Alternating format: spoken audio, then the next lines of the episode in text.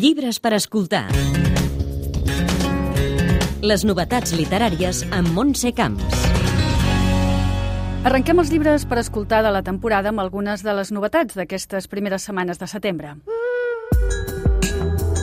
El periodista i escriptor Albert Forns es va trobar un dia passejant pel mercat de Sant Antoni 13 llibretes que eren uns dietaris escrits en les dècades dels 60 i 70.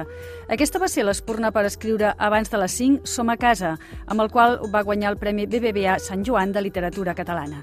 A partir de la lectura de les llibretes, Forns reconstrueix la vida de l'enigmàtic autor i també fa un homenatge als dietaristes. Tenim la persona que escriu els diaris com un neguet lleig, no? com el raro de la família, no? que està allà escrivint tot el sant dia. No?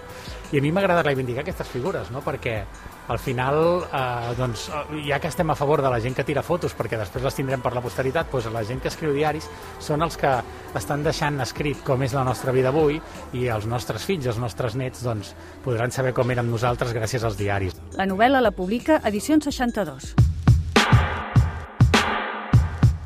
Albert Villaró publica La companyia nòrdica, editat per Columna, on viatja al prepirineu del segle XIX per crear una història al voltant del que anomena l'epopeia oblidada de la Guerra dels Carlins. Se n'ha parlat eh, molt poc. Jo crec que si els, els americans escriuen sobre la seva guerra de, de successió, sobre eh, federals, confederats i unionistes, doncs nosaltres eh, ens falta aquesta, aquesta mirada sobre sobre el passat, eh? sobre aquesta lluita dels carlins, que era una lluita desesperada, que era una lluita per... no se sap ben bé per què, perquè era una lluita ja condemnada al fracàs, era una lluita contra la modernitat,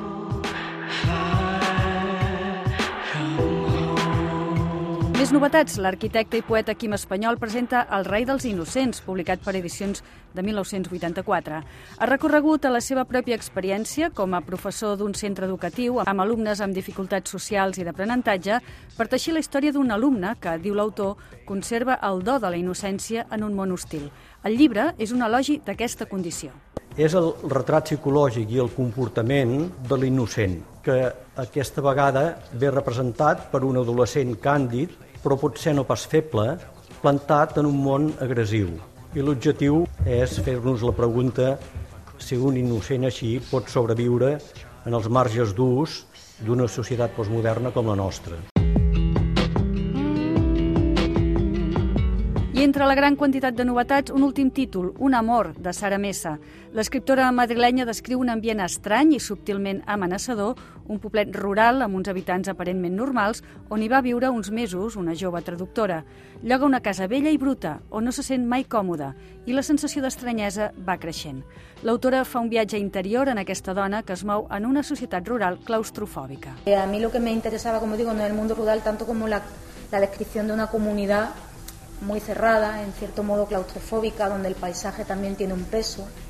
No hay muchas descripciones del espacio, pero sí que, sí que tienden a, a retratar una atmósfera en la que uno siente que van a pasar cosas. Yo digo que es como cuando va a haber una tormenta ¿no? y el cielo se carga y se pone amarillo y los animales lo notan y, y nosotros también, de alguna manera no racional, uno siente todo el tiempo, presiente que ahí va a pasar algo. Una molt recomanable novel·la de l'autora de Cicatriz que publica l'editorial Anagrama.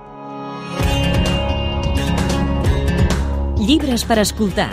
Les novetats literàries amb Montse Camps.